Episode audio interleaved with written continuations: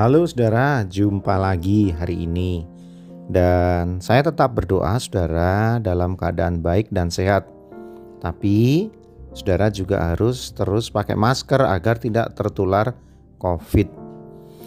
Saya akan bacakan satu ayat dari 2 Samuel 12 ayat 24 sampai 25. Kemudian Daud menghibur hati Batsheba istrinya ia menghampiri perempuan itu dan tidur dengan dia, dan perempuan itu melahirkan seorang anak laki-laki.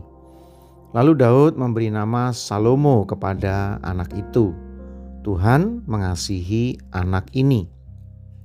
Dan dengan perantaraan Nabi Nathan, ia menyuruh menamakan anak itu Yedija oleh karena Tuhan.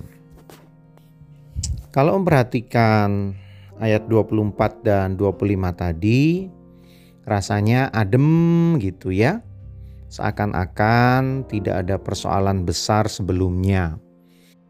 Dan kita menjadi paham, menjadi tahu bahwa kasih Tuhan kepada umatnya itu memang luar biasa.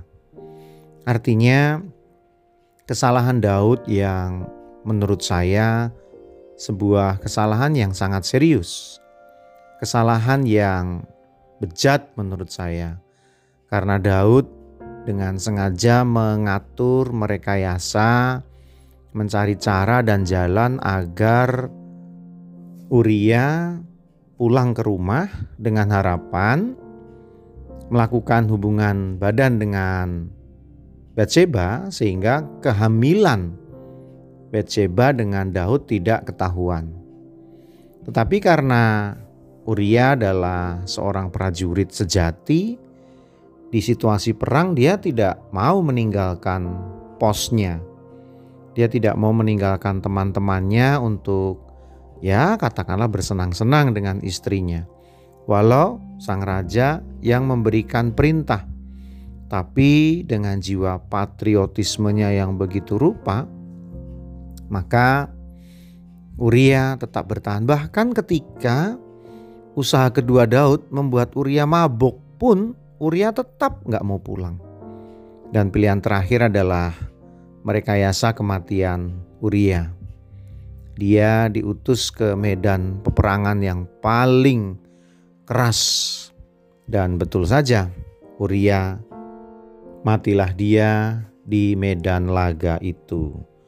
Sekali lagi kalau dipikir-pikir aduh jahat banget ya si Daud ini pada saat ingin menutupi kesalahannya, menutupi dosanya, sehingga lewat Nabi Nathan murka Tuhan disampaikan. Di sinilah terjadi hal yang menarik memang untuk diperhatikan.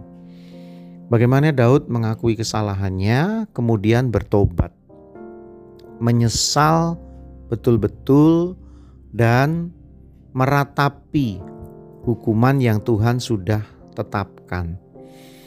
Meratapi nasib anaknya yang dilahirkan dari skandal dengan Batsheba itu karena Tuhan mengendaki anak itu mati.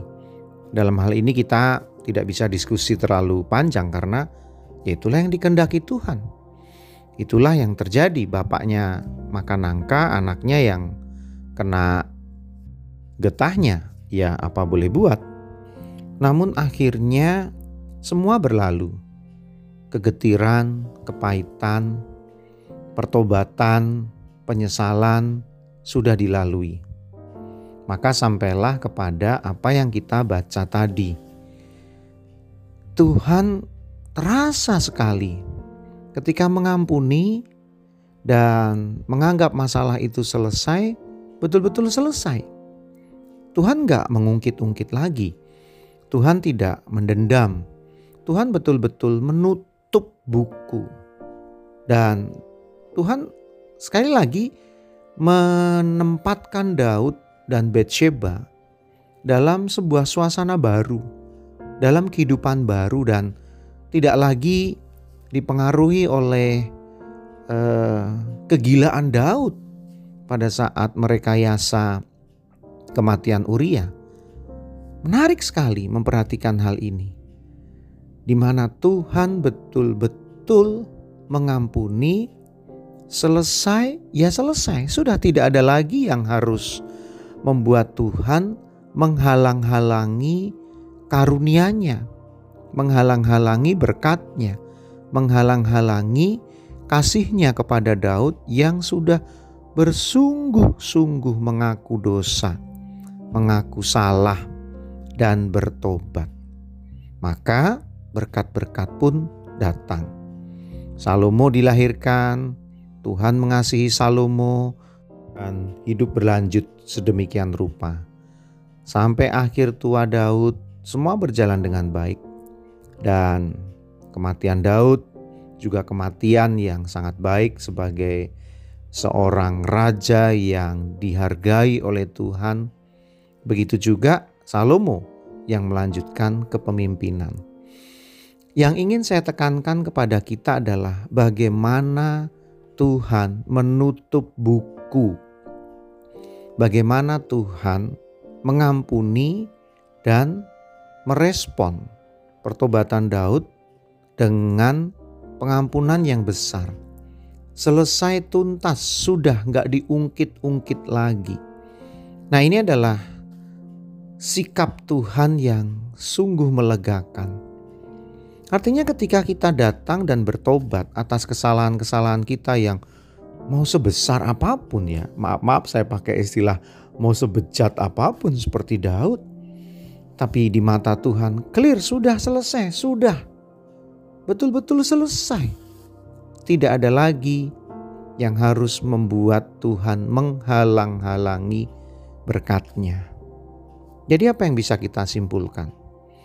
Semua dosa kita sebesar apa pun, akui di hadapan Tuhan dan bertobatlah. Maka Tuhan akan mengampuni dan pengampunannya tuntas. Dia nggak ungkit lagi, dia nggak perkarakan lagi, dan itu tidak menjadi penghalang datangnya berkat.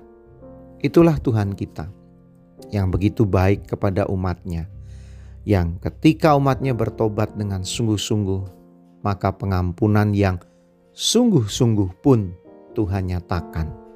Masih bersama dengan saya Pendeta Yudi dalam Renungan Emas, esok masih ada solusi.